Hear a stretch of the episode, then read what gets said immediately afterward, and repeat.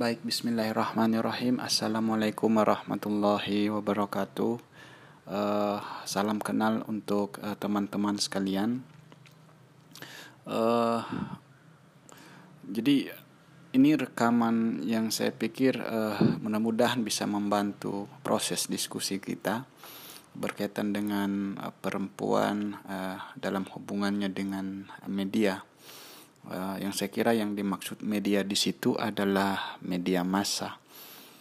Uh, materi ini atau persentase saya ini saya dasarkan atas uh, tulisan saya uh, yang berjudul Perempuan dan Media uh, yang saya tulis uh, berkisar uh, tiga tahun yang lalu. Uh, yang juga sebenarnya adalah uh, merupakan materi uh, bagi kegiatan yang uh, hampir sama dengan kegiatan ini. Tetapi karena saya kira ini masih relevan, uh, ya tidak ada salahnya kalau ini saya ajukan sebagai uh, prawacana kita, bahan diskusi kita untuk berbicara berkaitan dengan perempuan. Uh, Nah, eh, pertama yang ingin saya komentari adalah dari judul tema kita ini, eh, perempuan dalam hegemoni media yang yang seolah-olah eh, mengkonfirmasi atau mengafirmasi bahkan bahwa memang perempuan eh, sudah didudukan dalam uh, wilayah tertentu di mana mereka menjadi objek atas kekuasaan tertentu, entah kekuasaan media, kekuasaan ideologi, kekuasaan negara, atau bahkan uh, uh, kekuasaan laki-laki. Uh, sehingga uh, bagi saya uh, uh, tema semacam ini uh, apa ya bisa jadi menjadi isyarat bahwa di dalam konteks bawah sadar kita itu memang uh, menerima keadaan itu bahkan mungkin di waktu uh, kesempatan yang lain uh, kita ikut uh, apa menempatkan perempuan uh, di posisi yang uh, apa tidak relevan sebagai manusia. Nah, uh, saya kira uh, uh, ini menjadi uh, apa ya? Ya kita bisa jadikan itu sebagai kritik bagi kita semua uh, bahwa uh, dalam hal ini untuk berbicara tentang perempuan sekalipun kita tidak diberikan kesempatan uh, di dalam konteks yang setara di dalam konteks yang merdeka untuk berbicara tentang uh, apa namanya perempuan itu sendiri. Eh, dalam konteks untuk berbicara sekalipun kita justru sudah memulainya dari uh, satu cara pandang yang uh, bagi saya merendahkan perempuan. Apa buktinya? Buktinya dari tema kita ini. Jadi tema ini sudah dari awal menstigmatisasi perempuan di dalam konsep di mana perempuan itu menjadi uh, objek kekuasaan media. Nah ini ini catatan bagi kita semua dan saya kira untuk saat ini dan mulai saat ini kita mesti mengubah uh, pola uh, apa namanya uh, pola berpikir kita, pola paradigma kita uh, di dalam melihat relasi perempuan dengan uh, kehidupannya, melihat perempuan dari konteks yang lebih luas. Itu satu. Yang kedua, uh, kalau teman-teman uh, sudah membaca tulisan saya uh, yang berjudul Perempuan dan Media, uh, di situ ada beberapa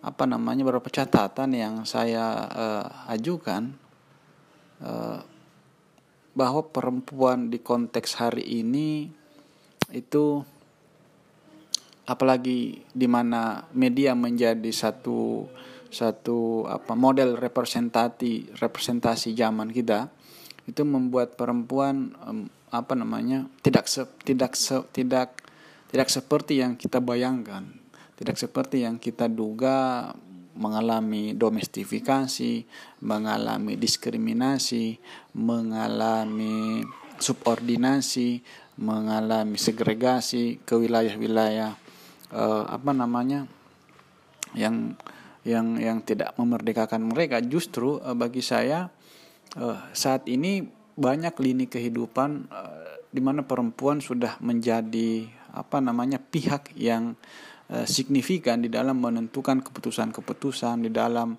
uh, menyatakan gagasan-gagasan, di dalam uh, menyuarakan hak-hak mereka dan sejenisnya ke dalam satu apa sikap yang kontinu ke dalam satu profesi bahkan sehingga kita bisa berpendapat perempuan tidak tidak sepenuhnya mengalami apa namanya apa yang kita sebut apa mengalami uh, hegemoni ya di dalam di dalam khususnya di dalam media. Saya kasih contoh teman-teman uh, mungkin tahu siapa Najwa Shihab. Uh, Najwa Shihab itu saya kira representasi yang yang menjadi antitesis dari anggapan umum bahwa perempuan itu adalah pihak yang sering kali dirugikan di dalam uh, media massa. Nah, uh, saya kira teman-teman teman-teman uh, bisa bisa apa namanya uh, berpikir ulang ya bahwa uh, dalam hal ini Najwa Najwa Shihab Najwa Shihab menjadi uh, satu figur ya yang menjadi apa namanya menjadi perempuan yang merdeka, perempuan yang mandiri, perempuan yang uh, dapat menentukan sendiri nasibnya tanpa disituasikan oleh uh, ideologi patriarki, tanpa disituasikan oleh apa namanya oleh uh, kepentingan pasar, oleh kepentingan politik dan semacamnya. Justru dia uh, sangat signifikan di dalam di dalam menentukan katakanlah dia menjadi influencer uh, uh, yang yang bisa mempengaruhi cara pandang kita. Uh, apa uh, buktinya bahwa saya kira teman-teman tahu bahwa di samping dia menjadi seorang jurnalis yang eh, apa namanya yang sering kali kita lihat melalui acara Mata Najwa. Beliau juga hari ini eh, sudah bergerak ke lintasan yang lebih eh, jauh lagi yakni eh, ada media yang yang kita kenal sebagai narasi. Di situ eh, sekira semakin mempertunjukkan betapa perempuan juga sebenarnya bisa berpeluang e, memanfaatkan medium-medium seperti itu di dalam rangka untuk mengemansipasi e, diri dan kaumnya. E, ada ada sekiranya kalau teman-teman melihat e, narasi e, suatu platform yang dibangun Najwa Shihab untuk e, mengisi apa namanya satu slot wacana berkaitan dengan uh, apa hal-hal yang uh, mengcover isu-isu penting di bangsa ini. Kemudian ada juga uh, apa kalau di YouTube ada Sihab dan Sihab. Nah, itu satu uh, satu konten yang saya kira menarik juga karena di situ Najwa tidak sekedar menyatakan konten dengan cara yang konvensional tetapi dia berusaha mengangkat konten ini menjadi sarana dialog, mempertemukan masalah yang terjadi di masyarakat langsung kepada pakarnya, yakni uh, bapaknya sendiri itu ya, uh, Kore Shihab, dalam membahas banyak hal. Dan di situ uh, saya kira perempuan dari Shihab dan Shihab narasi kemudian uh, mata najwa dan be, betapa banyaknya saya kira perempuan sudah menjadi uh, apa namanya pembawa acara ya dalam hal ini mereka menduduki satu posisi di di dalam satu institusi media sebagai suatu perusahaan itu saya kira membuktikan uh, bahwa sebenarnya ada peluang-peluang yang yang bisa diambil oleh perempuan kalau berbicara berkaitan dengan posisi mereka di uh, media.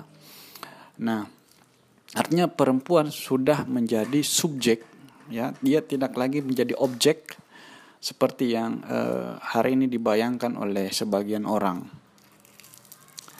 Nah, itu itu narasi yang pertama bahwa perempuan uh, apa namanya adalah pihak yang sebenarnya punya peluang ya, punya peluang menentukan sendiri uh, posisinya, menentukan sendiri uh, nasibnya, menentukan sendiri uh, perannya, menentukan sendiri kebebasannya dan semacamnya. Uh, ini saya kira uh, memiliki dasar-dasar teoritis ya. Uh, kalau kita mengacu ke pemikiran, uh, salah satu contoh adalah uh, ada sosok figur uh, Luz Irigaray. Saya kira ini teman-teman mungkin tahu ya seorang feminis Perancis. Uh, dia dia satu satu satu apa satu satu narasi yang uh, saya kira uh, patut juga untuk teman-teman dalami pemikirannya karena uh, dia spesifik uh, membahas perempuan uh, dari perspektif yang lumayan unik ya dari uh, aspek uh, bahasa.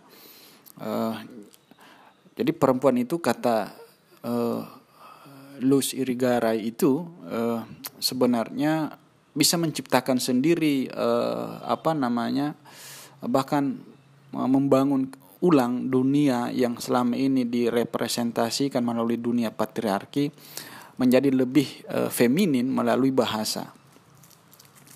Jadi lewat bahasa itu perempuan menemukan identitasnya, perempuan menemukan kemerdekaannya, perempuan menemukan apa yang disebut sebagai subjektivitasnya itu sebagai satu uh, apa titik pijak yang yang memungkinkan perempuan itu bisa setara ya dalam hal ini bisa bisa bisa memiliki kebebasan dan kemerdekaan di dalam berpikir dan bertindak. Uh, saya kasih contoh uh, bagaimana subjektivitas perempuan itu ditemukan di dalam bahasa. Uh, mungkin uh, pernah teman-teman saksikan kegiatan-kegiatan perempuan uh, yang yang terjadi di tahun-tahun 90-an atau sebelumnya di mana banyak perempuan yang saat itu punya hobi menulis diari.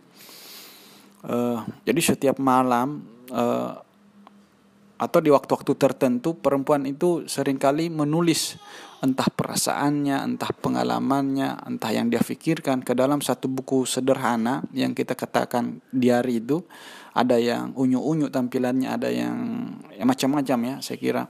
Itu pernah menjadi tren dan perempuan yang menginisiasi itu. Uh, kalau di SMA mungkin teman-teman pernah mendapat mendapati suatu pengalaman pertemanan di mana kita menulis biografi-biografi kita di dalam satu buku kecil di mana kita tulis nama, nama panggilan, nama beken, makanan favorit, minuman favorit, artis favorit. Kira-kira semacam itu. Itu kalau kita perhatikan itu yang menginisiasi itu perempuan. Bukan laki-laki. Nah, dalam pengertian yang uh, filosofis itulah Louis Irigaray mengatakan uh, di konteks itu justru perempuan dekat sekali dengan eh, bahasa. Perempuan sebenarnya punya akses yang besar terhadap bahasa karena melalui aktivitas menulis, entah itu diari yang ditunjukkan dari pengalaman perempuan uh, tahun 90-an atau generasi sebelumnya itu, itu sebenarnya satu cara bagaimana perempuan menemukan satu medan kreatif untuk mendudukan posisinya sebagai manusia merdeka. Nah ini ini menarik karena menjelang uh, perubahan uh, apa uh, apa namanya itu itu kita tidak menemukan lagi seperti itu. Saya dulu punya kakak yang seperti itu. Kakak saya itu setiap malam menulis uh, entah perasaannya atau pengalaman sakitnya, kebahagiaannya di sekolah, kesenangannya atau apa pun, dia dia dia bersuara lewat diary itu. Uh, yang yang sifatnya uh, uh, lumayan subjektif ya. Uh, kenapa? Karena bahkan intim karena uh, saya dilarang untuk membacanya. Saya tidak diberikan akses untuk menyentuh buku yang demikian kerabat itu bagi perempuan. Karena bagi mereka itulah subjektivitas mereka, itulah otonomi mereka sampai harus menjaga sedemikian rupa agar tidak uh, semena-mena diperlakukan oleh laki-laki. Nah, itu ini itu satu satu saya kira satu contoh atau satu ilustrasi sebenarnya uh, subjektivitas perempuan itu dekat sekali kalau kita berbicara dengan media. Yang yang hari ini kita kenal melalui uh, apa namanya melalui dunia tulis menulis melalui dunia broadcasting melalui dunia uh, yang yang hari ini kita sebut sebagai generasi apa zaman digital itu. Nah ini ini ini menarik karena justru uh, media yang sebenarnya menjadi peluang bagi perempuan di mana itu pengalaman-pengalaman itu sudah ada sebelumnya ya. Kartini menulis buku gitu-gitu kan ya. Eh, kemudian masih banyak saya kira perempuan-perempuan yang memanfaatkan medium eh, bahasa, medium media buku atau majalah atau cerpen dan semacamnya. Itu mengindikasikan sebenarnya eh, tidak benar bahwa perempuan itu kita katakan mengalami hegemoni ya dari aspek atau dimensi-dimensi di yang dialami di media di media saat ini. Cuman nanti kita akan melihat di ruang yang lain, di di waktu yang lain, perempuan juga menjadi objek kekuasaan. Nah ini yang uh, menarik juga kita bicarakan ya, berkaitan dengan uh, posisi perempuan ketika dia direpresentasikan melalui uh, iklan, melalui uh, promosi, melalui uh, aktivitas pasar ya di media massa. Uh, itu nanti akan kita bicarakan di rekaman kedua. Saya kira ini dulu sebagai pengantar yang pertama. Nanti uh, untuk diskusi kita kemungkinannya ada, akan ada dua atau paling banyak tiga rekaman bagi teman-teman agar uh, bisa membantu pendiskusi pendiskusian kita ini semakin ini ya semakin elaboratif. Saya kira untuk saat ini ini dulu nanti kita lanjut ke uh, rekaman yang kedua.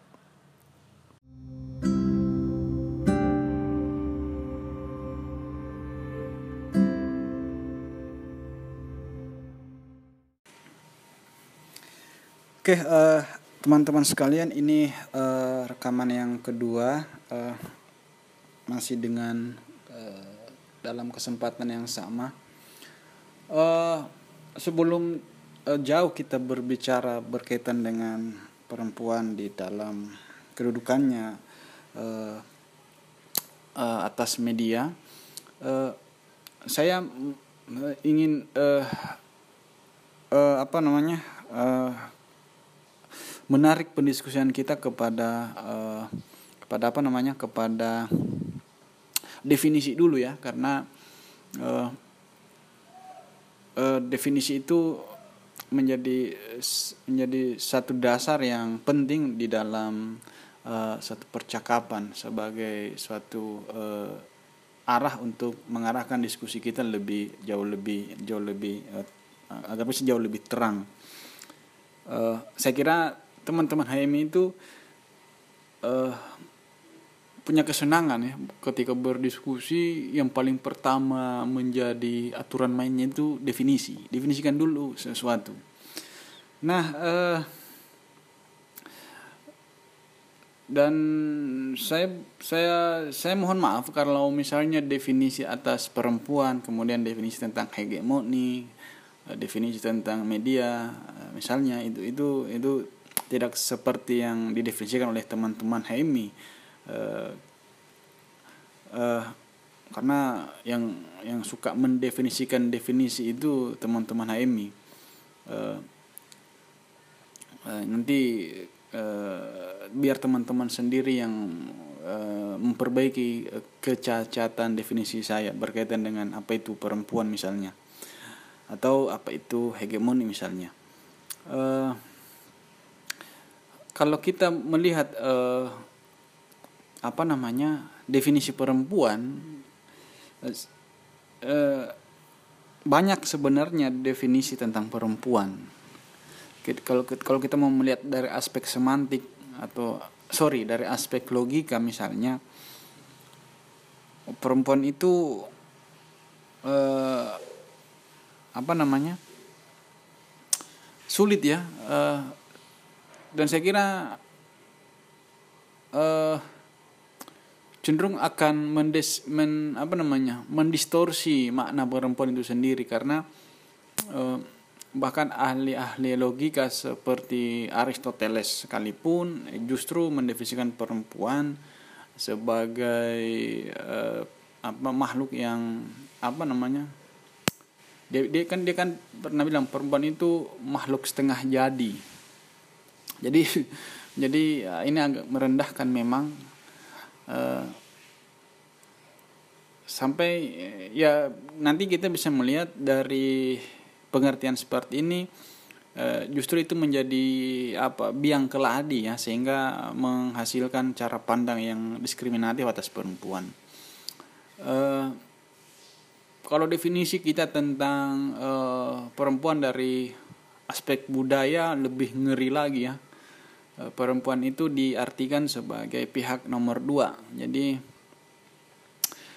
sebelum laki-laki dibaliknya itu ada perempuan uh, sorry setelah laki-laki baru kemudian perempuan diartikan sebagai pihak yang punya akses kepada kebutuhan-kebutuhan biologis, kebutuhan psikis, kebutuhan ekonomi, bahkan kebutuhan politik.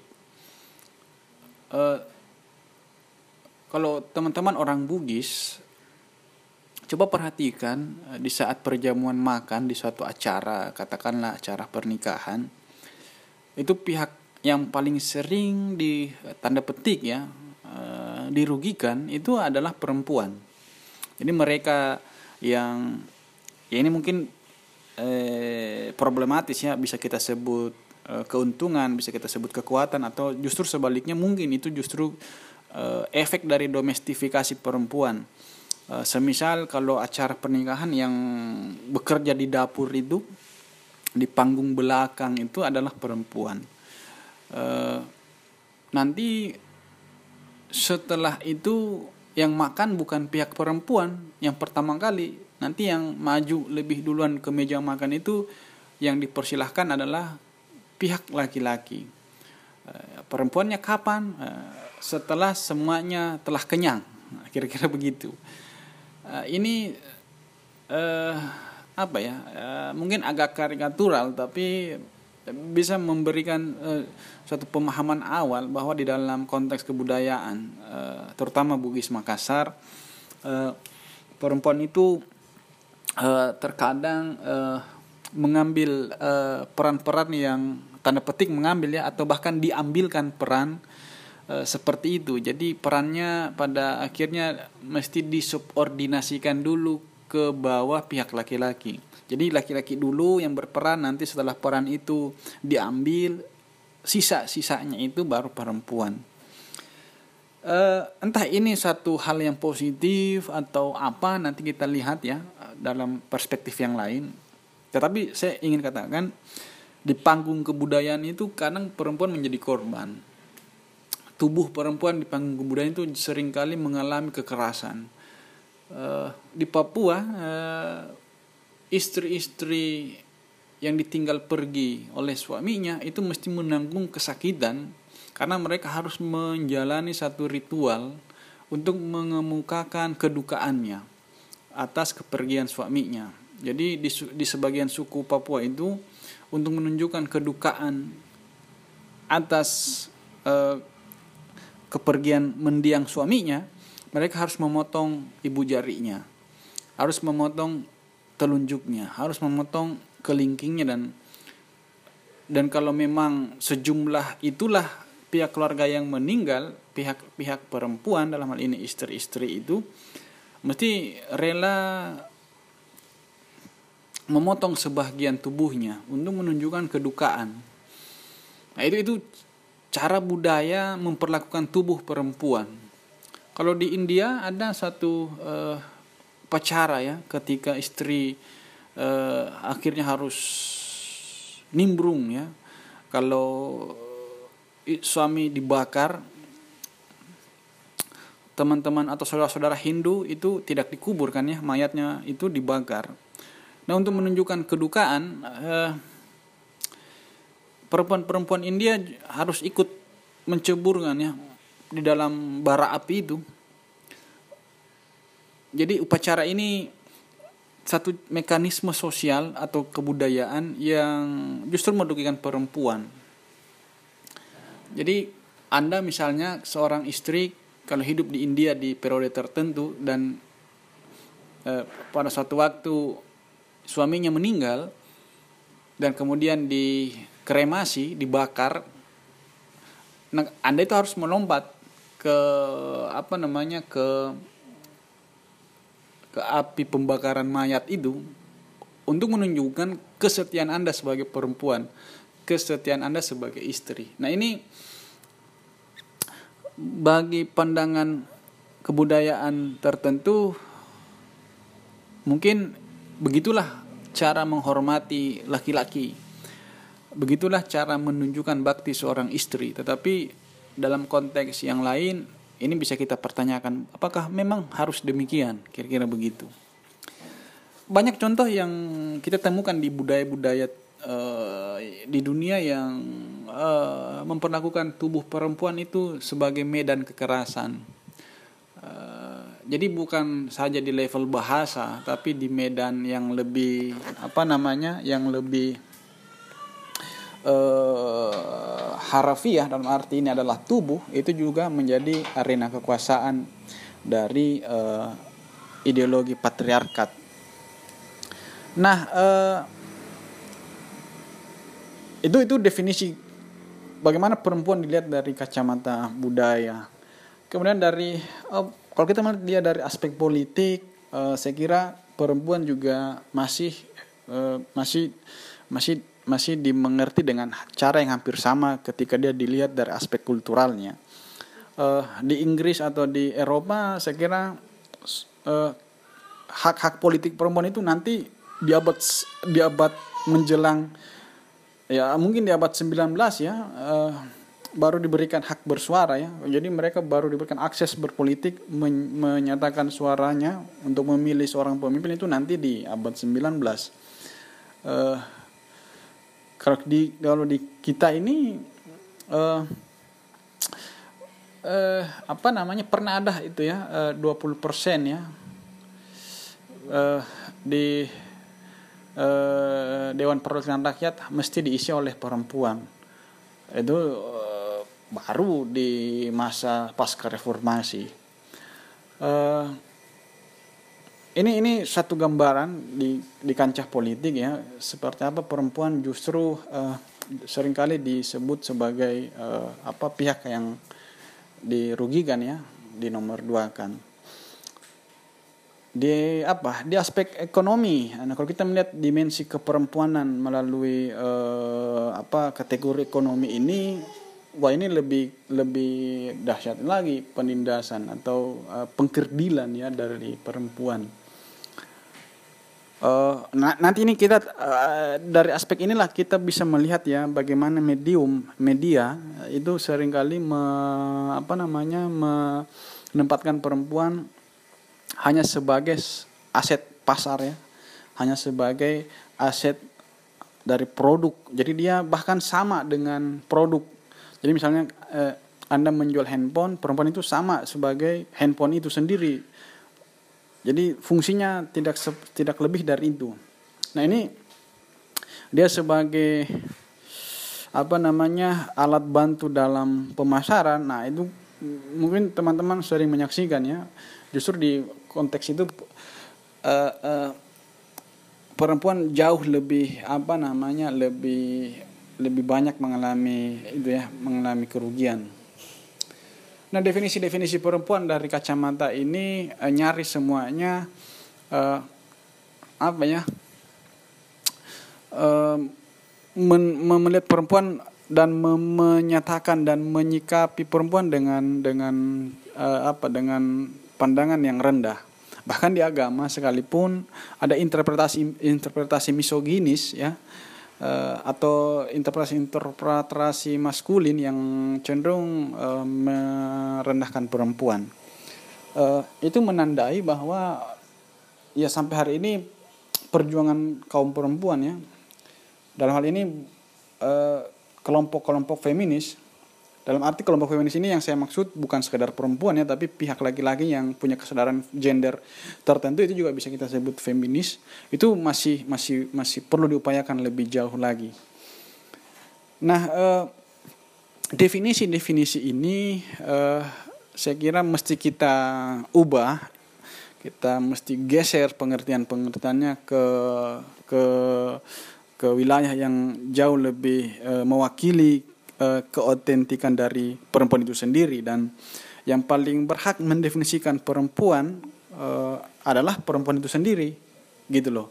Jadi uh, saya sebagai pemateri di sini ketika mendefinisikan perempuan itu riskan karena jangan sampai definisi perempuan itu datang dari maskulinitas saya sebagai laki-laki. Nah, sehingga tidak otentik, tidak mewakili.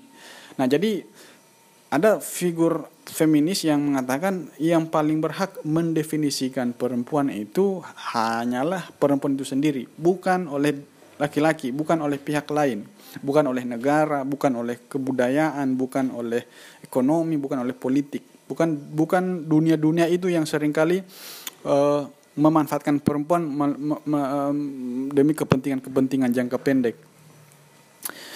Nah, artinya begini, uh, pertama itu perempuan harus uh, mampu atau berani mendefinisikan ulang ya definisi-definisi yang selama ini sudah dianggap mapan di kehidupan kita, bahkan oleh media. Uh, jadi perempuan mesti merek, apa, mereka ulang pencitraannya di, di, di, di apa di di di apa di kehidupan publik ya. Uh, jadi peluang itu saya kira masih tetap terbuka tergantung seberapa besar eh, teman-teman atau perempuan atau pihak-pihak yang berkepentingan dalam rangka memajukan perempuan memanfaatkan modal uh, modal-modal yang ada gitu entah modal kultural, modal politik, modal simbolik, modal ekonomi dan semacamnya. Itu yang pertama. Kedua, uh, uh, tadi saya, saya saya sudah menjanjikan akan melihat uh, bagaimana uh, perempuan ketika dia direpresentasikan ulang ya melalui pemberitaan, melalui iklan, melalui apa yang hari ini dinyatakan lewat media massa. Nah, saya harap teman-teman sudah membaca uh, tulisan saya karena di situ ada contoh yang uh, apa namanya saya ajukan untuk memperlihatkan bagaimana perempuan sering kali diposisikan tidak uh, apa ya tidak tidak setara justru lebih diskriminatif melecehkan dan semacamnya. Uh, coba perhatikan di uh, tulisan saya itu ada setidaknya empat judul yang saya ambil. Uh, Pertama itu di situ kalau kita lihat Kamis 30 Maret tahun 2017 itu uh, media semisal Sindo News.com itu menulis begini. Tergiur tubuh molek, pria bejat tega nodai anak tiri. Nah itu coba perhatikan. Jadi tergiur tubuh molek, pria bejat tega nodai anak tiri. Itu satu. Kedua, ini judul yang sering kali mungkin juga teman-teman lihat diberitakan juga oleh Sindo News di Kamis 6 April 2017 dia tulis begini uh, headline-nya. Gadis 17 tahun di Buleleng digilir tiga pria di kamar mandi. Jadi dia ibarat piala digilir tiga pria di kamar mandi. Yang ketiga ini liputan6.com Uh, mungkin ada yang sering baca liputan6.com di tahun 2016 25 Mei ditulis Bribda Mutia poluan cantik jadi korban penganiayaan. Yang keempat female.com bikin iri. Dokter gigi cantik ini usianya sudah hampir 50 tahun. Dan yang kelima uh, Tribun Timur ini Tribun yang Tribun Timur yang yang sering kita baca ya 16 April 2017 menulis Ingat Syekh Puji, siapa sangka begini kehidupannya sekarang bersama istri mudanya. Nah, ini lima contoh uh, uh, bagaimana di dalam media itu perempuan sering kali ditulis ya, dia representasi ulang melalui kepentingan uh, ideologi media tertentu oleh uh, apa yang kita kenal uh, hari ini dipengaruhi oleh uh, e, cara pandang patriarkat. E, kalau kita melihat kasus-kasus atau contoh-contoh ini, ya, itu sudah jelas sekali e, perempuan e, menjadi korban ya. Jadi selama ini mereka dilihat dengan cara yang pertama e, dia dilihat dengan cara seksis, jadi tergiur tubuh molek, pria bejat tega oleh anak tiri. Dia dilihat secara uh, kebendaan jadi digilir tiga pria di kamar mandi. Jadi seolah-olah perempuan ini benda piala bergilir. Kemudian dia dilihat secara lagi-lagi uh, seksis ya ditulis di situ bribda polwan cantik jadi korban penganiayaan kemudian uh, dia juga dilihat masih dengan cara yang seksis uh, bikin iri dokter gigi cantik ini usianya sudah hampir 50 tahun Kemudian yang kelima, ingat Syekh Puji, siapa sangka begini kehidupan sekarang bersama istri mudanya. Jadi dia lihat dia dilihat sebagai uh, apa namanya? Objek uh, seksual dari Syekh Puji. Nah, itu mengindikasikan apa? Bahwa dari pilihan kata itu sangat tidak mencerminkan keberpihakan kepada perempuan. Jadi kata molek, cantik, kemudian uh, sejenisnya itu secara fungsional sengaja dipakai agar menarik secara imajinatif hasrat pembaca. Jadi mereka dipakai sebagai alat di mana tubuh perempuan menjadi uh, kata molek cantik itu dipakai untuk uh, menarik apa namanya hasrat pembaca terutama bagi pihak laki-laki. Uh, tentu ini tidak berkaitan gender dan tidak berpihak kepada perempuan karena uh, perempuan mengalami uh, double apa double kalau ada istilah peran ganda di sini disebut uh, double kekerasan mengalami kekerasan dua kali lipat. Jadi selagi dia menjadi korban diskriminasi di alam kenyataannya di dunia pemberitaan dia menjadi objek Eh, dari uh, cara apa mengelola berita gitu ya cara menulis lewat bahasa. Jadi secara simbolik justru dia dijadikan kembali sebagai korban dari penggunaan bahasa yang semena-mena nah ini contoh-contoh uh, ya yang, yang yang saya kira teman-teman uh, bisa lihat bagaimana perempuan uh, di satu sisi menjadi objek. Kalau yang pertama tadi di rekaman yang pertama kita melihat sisi perempuan dari sisi subjektivitasnya. Nah ini kita melihat dia menjadi objek. Jadi dia menjadi uh, apa namanya perhatian, menjadi figur yang atau pihak yang didiskreditkan semikian rupa di, pemberi, di, di pemberitaan media massa. Nah, mungkin dari kacamata ini teman-teman mengatakan uh, dari judul itu tadi bahwa perempuan mengalami hegemoni di di media. Nah, eh, saya kira ini satu rekaman yang cukup dulu untuk berbicara tentang ini. Nanti rekaman ketiga saya akan tambahkan hal-hal yang dianggap penting untuk mengurai pendiskusian kita lebih dalam lagi.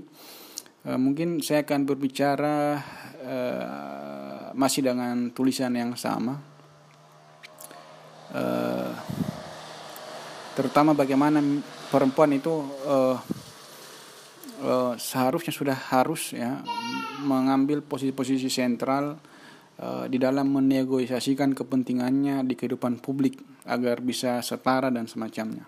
Saya kira itu dulu untuk rekaman ini. Uh, satu hal yang ingin saya katakan uh, sebagai kesimpulan untuk rekaman ini bahwa uh, apa yang dinarasikan sebagai perempuan hari ini itu justru kadang dimulai dari model definisi yang sudah tidak adil dari sejak awal, yang sudah dari awal uh, mempersepsikan perempuan sedemikian rupa.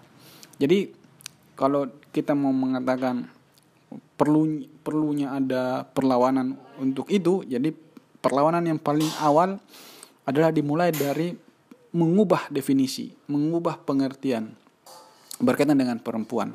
Dan uh, pihak siapa yang paling berkepentingan untuk itu adalah pihak perempuan sendiri karena perempuan ini punya punya cara pandang, punya kecenderungan, punya apa namanya?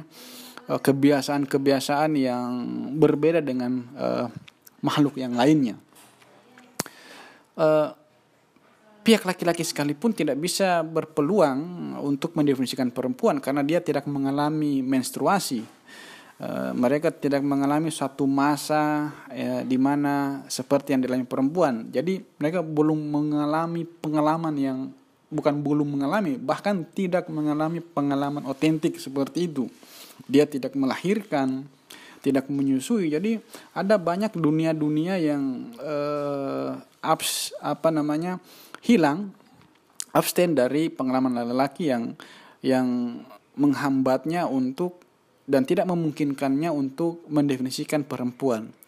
Nah, ini menjadi sebab saya kira sehingga yang paling patut uh, membahasakan atau menyuarakan suara perempuan uh, yang paling otentik ya uh, dalam arti yang paling mewakili ya, bukan berarti pihak yang lain tidak tapi harus dimulai dari pihak perempuan kesadaran ini yang harus di, yang harus di apa namanya yang harus ditanamkan. E, nah itu kesimpulan untuk rekaman ini nanti kita lanjut e, ke rekaman yang terakhir. Saya pikir cukup untuk sekian dulu.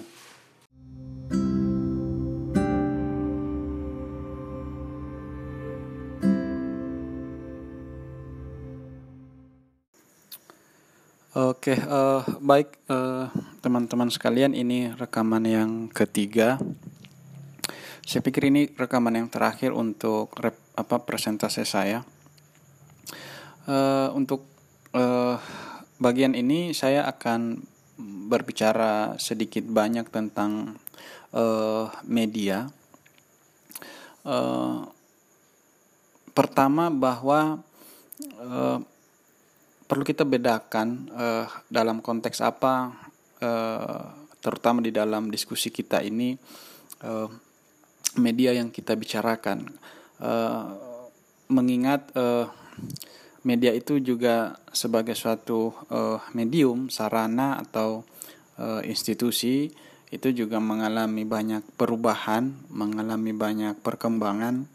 Artinya dia tidak stagnan dia dia dia terus uh, berubah sesuai dengan kebutuhan masanya kebutuhan zaman sehingga uh, untuk melihat uh, media di konteks sekarang mesti kita bedakan dalam hal uh, dia sebagai apakah media tradisional ataukah media modern uh, apakah dia disebut sebagai uh, media cetak apakah dia disebut uh, media elektronik atau yang sekarang lebih akrab disebut media digital.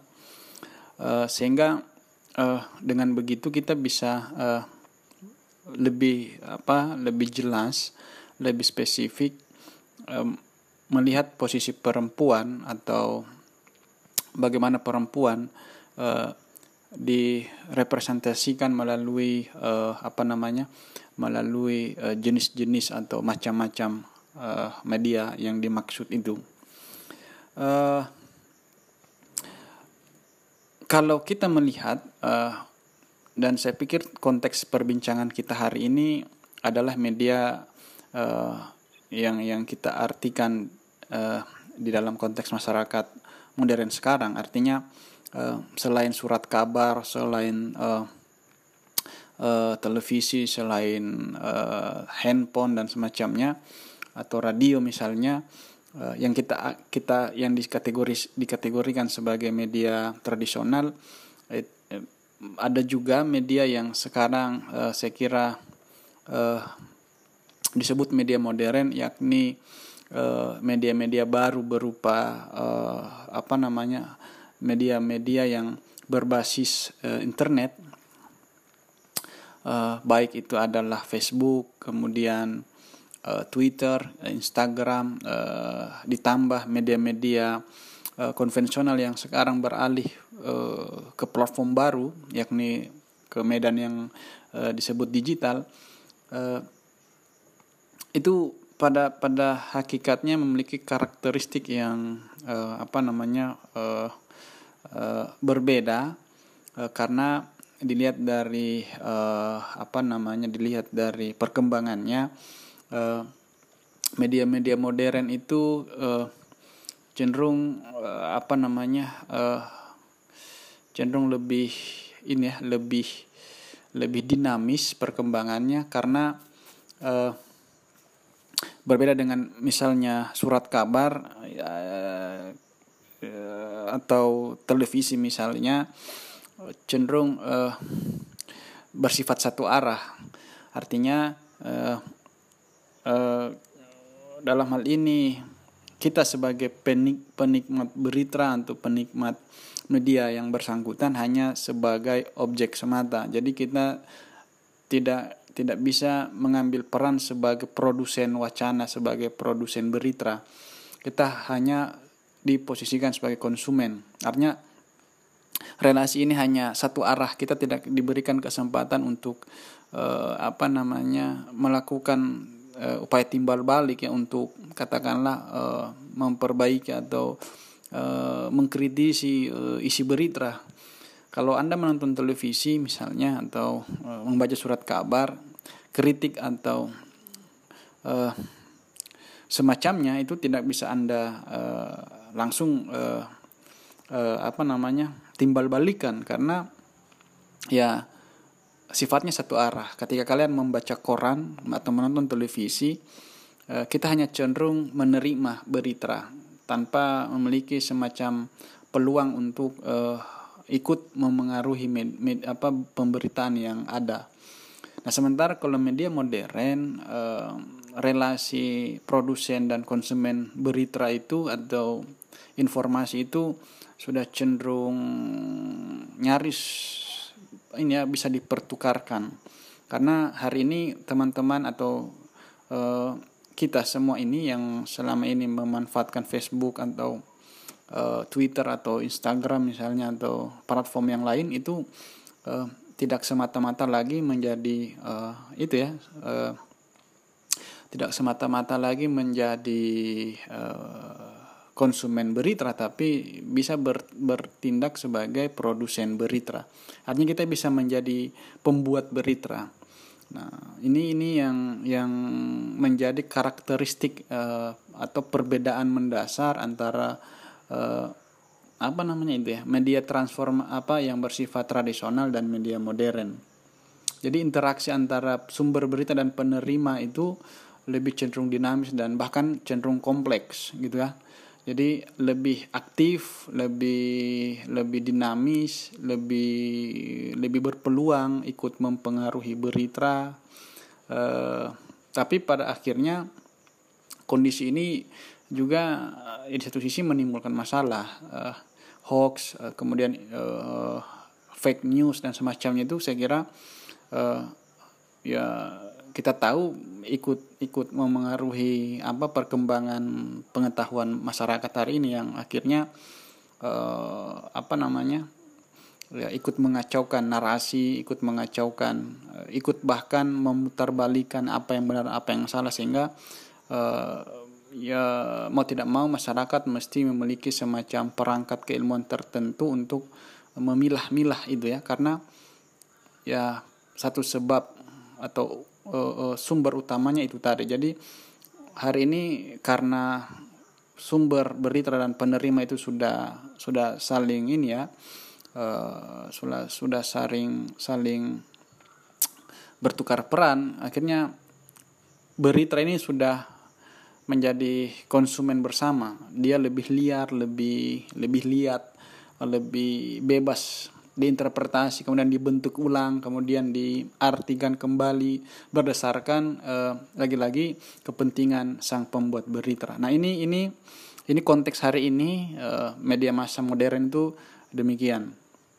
Nah nanti kita melihat uh, dalam hal ini hegemoni yang kita maksudkan itu gimana gitu kan ya uh, dan bagaimana hubungannya dengan perempuan. Uh, tapi itu yang pertama. Kedua uh, secara umum uh, uh, kalau kita mengacu ke uh, pemikiran uh, apa namanya uh, uh, apa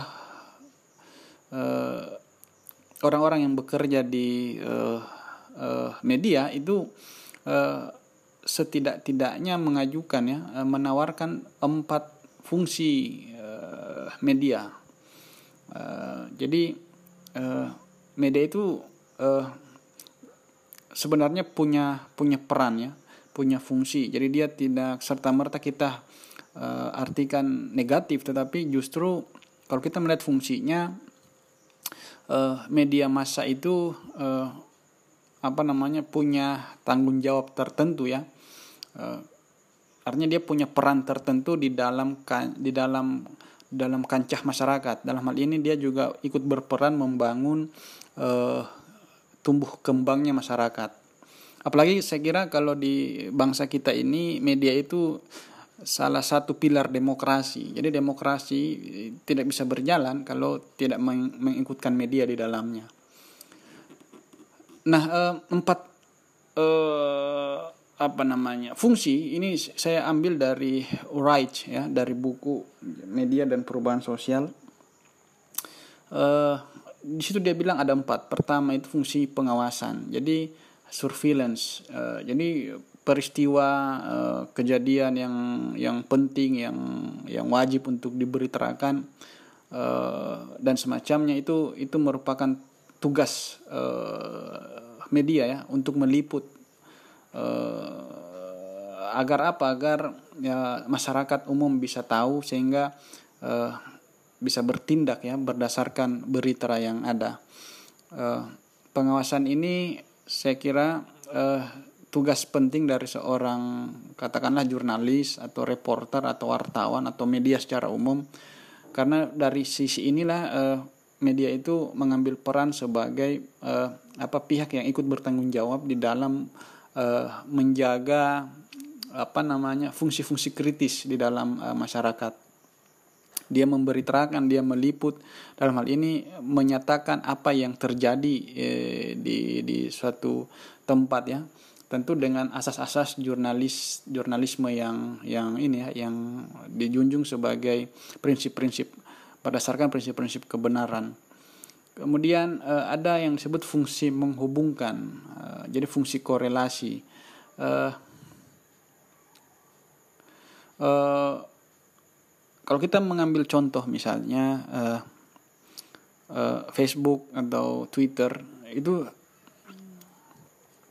di, di dalam konteks peristiwa-peristiwa uh, 10 tahun belakangan itu menjadi uh, apa namanya faktor signifikan yang mampu memobilisasi uh, massa agar bertindak dan bahkan berpikir secara bersamaan demi satu kepentingan politik tertentu.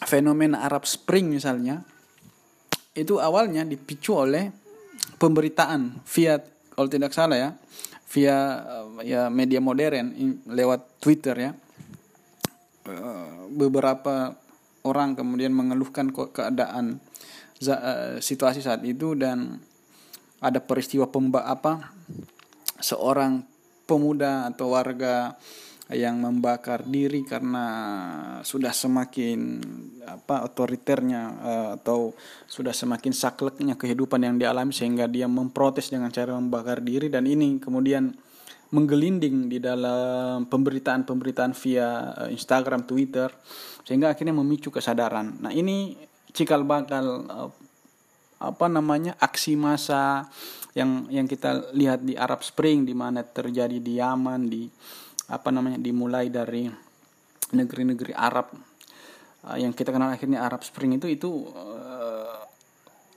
itu mengin, me, memberikan suatu pengertian bahwa media itu punya fungsi korelasi Memo, ya, artinya apa? Me, dia mampu memobilisasi massa untuk berpikir dan bersikap atas suatu peristiwa uh, atau suatu masalah misalnya. Di tanah air uh, tidak bisa kita pungkiri uh, gelombang aksi massa uh, 212 dan sejenisnya dan sejenisnya itu itu terhubung satu komunitas, satu kelompok, satu gerombolan itu itu karena media modern seperti Twitter, Facebook yang menghubungkan satu uh, apa namanya simpul-simpul yang sebut se, se, yang awalnya itu terserak saling terpisah-pisah pada akhirnya bisa menyatu uh, dikemas oleh isu bersama dan akhirnya bisa meledak seperti yang kita saksikan. Itu karena media me, apa karena dari fungsi itu fungsi menghubungkan. Jadi kita ini saling terhubung karena media. Termasuk uh, Twitter ini uh, sorry uh, WhatsApp ini bagaimana kita bisa melakukan aktivitas diskusi itu karena ada medium WhatsApp ini. Itu contoh ya bagaimana fungsi media yang disebut korelasi. Kemudian ada yang disebut media itu berfungsi untuk mentransmisi ya nilai-nilai uh, kebudayaan uh, dia bisa mewarisi uh, nilai-nilai kultural norma-norma bahkan juga sebagai pihak yang berperan untuk mensosialisasikan ya apa-apa yang disebut sebagai pranata kesepakatan-kesepakatan ideal yang kita anggap sebagai nilai-nilai bersama.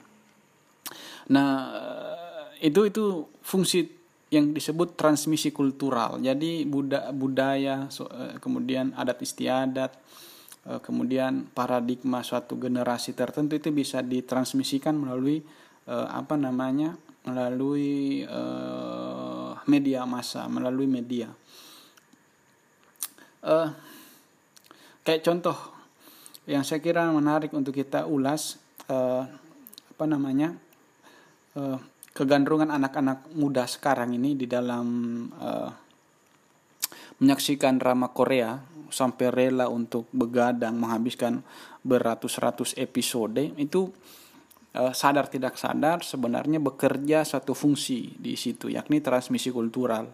Uh, akhirnya perempuan atau uh, generasi masa kini yang uh, apa senang uh, menyaksikan bahkan tergila-gila dengan film drama Korea itu akhirnya sadar tidak sadar uh, terbangun satu pengertian baru berkaitan dengan apa yang dia anggap uh, uh, apa yang dianggap cantik, yang dia anggap uh, baik, yang dia anggap etis, yang dia anggap di mana semua itu berdasarkan pada akhirnya dari apa yang dia saksikan. Uh, hari ini yang disebut gagah cantik itu bukan artis-artis yang diwakili dari uh, uh, dunia seni peran Hollywood tetapi sudah diambil alih oleh uh, dunia seni peran Korea Selatan lewat drama Korea itu. Jadi gagah itu bukan lagi Brad Pitt, bukan lagi Leonardo DiCaprio, bukan lagi uh, uh, ya artis-artis Hollywood tetapi sudah berubah menjadi Lee Min Ho apalagi uh, mungkin kalian lebih tahu siapa sih artis-artis Korea yang mewakili uh, suatu es, pencapaian estetika yang disebut gagah dan cantik itu. Nah ini pelan-pelan akan mewarisi satu kebudayaan, suatu cara pandang, suatu kebiasaan masyarakat Korea Selatan uh, menjadi adat kebiasaan baru kita. Uh, uh, akhirnya apa akhirnya budaya ini menjadi cair menjadi apa ya pertukaran ya interaksi antara bangsa kita dengan Korea Selatan. Dulu uh, sampai hari ini saya kira juga demikian orang-orang kepingin hidup dengan gaya barat. Makan di KFC berbelanja di mall uh, uh, berkaraoke uh, nonton ke bioskop. Itu tradisi-tradisi masyarakat barat yang hari ini sudah menjadi keseharian di masyarakat kita yang sebenarnya ya ada ada yang mesti kita uh, apa namanya kita ganti ya karena tidak sesuai dengan kebiasaan-kebiasaan kita. Tidak sesuai dengan uh, adat istiadat kita. Itu transmisi kultural. Jadi media itu uh, saluran atau sarana yang bisa uh, mengirim uh, kebiasaan warga dunia sampai ke tingkat lokal. Dalam hal ini kebiasaan masyarakat dunia entah itu Eropa, Amerika Latin, misalnya Korea Selatan sekalipun pada akhirnya menjadi satu kebiasaan lokal yang dialami oleh masyarakat eh, anak-anak muda di Sulawesi Selatan misalnya. Nah, itu lewat film, lewat lagu-lagu pop, lewat lewat majalah. Itu saya kira kalau teman-teman mempelajari cultural study, nah itu itu menjadi suatu problem yang menarik juga untuk kita bahas. Yang keempat yang terakhir fungsi media yakni adalah fungsi entertainment, fungsi hiburan. Nah, ini yang paling mencolok ya yang sering kita lihat setelah di jam-jam uh, utama ketika eh, media-media uh, melakukan siaran pemberitaan menyangkut peristiwa-peristiwa penting setelah itu ya biasanya diisi oleh acara-acara hiburan. Nah, sampai akhirnya tengah malam sampai pagi kembali lagi ke uh, pemberitaan-pemberitaan uh, yang bertujuan untuk menginformasikan kejadian-kejadian uh, penting ya. Uh, setelah itu hiburan. Dan ini uh, siklus ya yang yang yang dilakukan oleh hampir semua stasiun televisi. Stasiun radio dan saya kira uh, kalau kita bermain handphone Android itu hampir nyaris semuanya fungsinya bukan fungsi intelektual, bukan fungsi ideologis yang lain, tapi justru hampir di, hampir semuanya dipakai dalam rangka fungsi hiburan itu. Kita bermain game, kita bermain macam-macam aplikasi-aplikasi, semisal bagaimana mempercantik wajah dan semacam dan semacam itu itu fungsi-fungsi yang selama ini masuk dalam kategori fungsi hiburan. Nah ini kalau kita melihat dari aspek ini, saya kira perempuan itu uh, sering kali menjadi alat ya, menjadi objek, uh, di mana dia dimanfaatkan menjadi semacam uh, apa namanya? Dia menjadi semacam istilahnya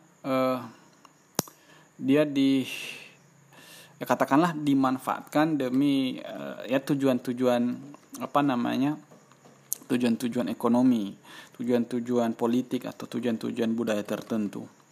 Nah, eh, itu empat fungsi eh, media ya. Nanti kita melihat bahwa apakah fungsi ini itu eh, memang sering apa sorry maksudnya apakah fungsi ini memang kita temui demikian adanya atau justru di dalam kenyataannya media-media hari ini itu tidak sepenuhnya e, demikian. Bahkan banyak fungsi-fungsi media yang cenderung e, abai dari fungsi-fungsi kepengawasan, fungsi-fungsi e, korelasi, fungsi-fungsi transmisi kultural e, atau bahkan mungkin lebih banyak fungsi hiburannya. Nah, ini menarik untuk pada akhirnya akan kita kaitkan dengan perempuan.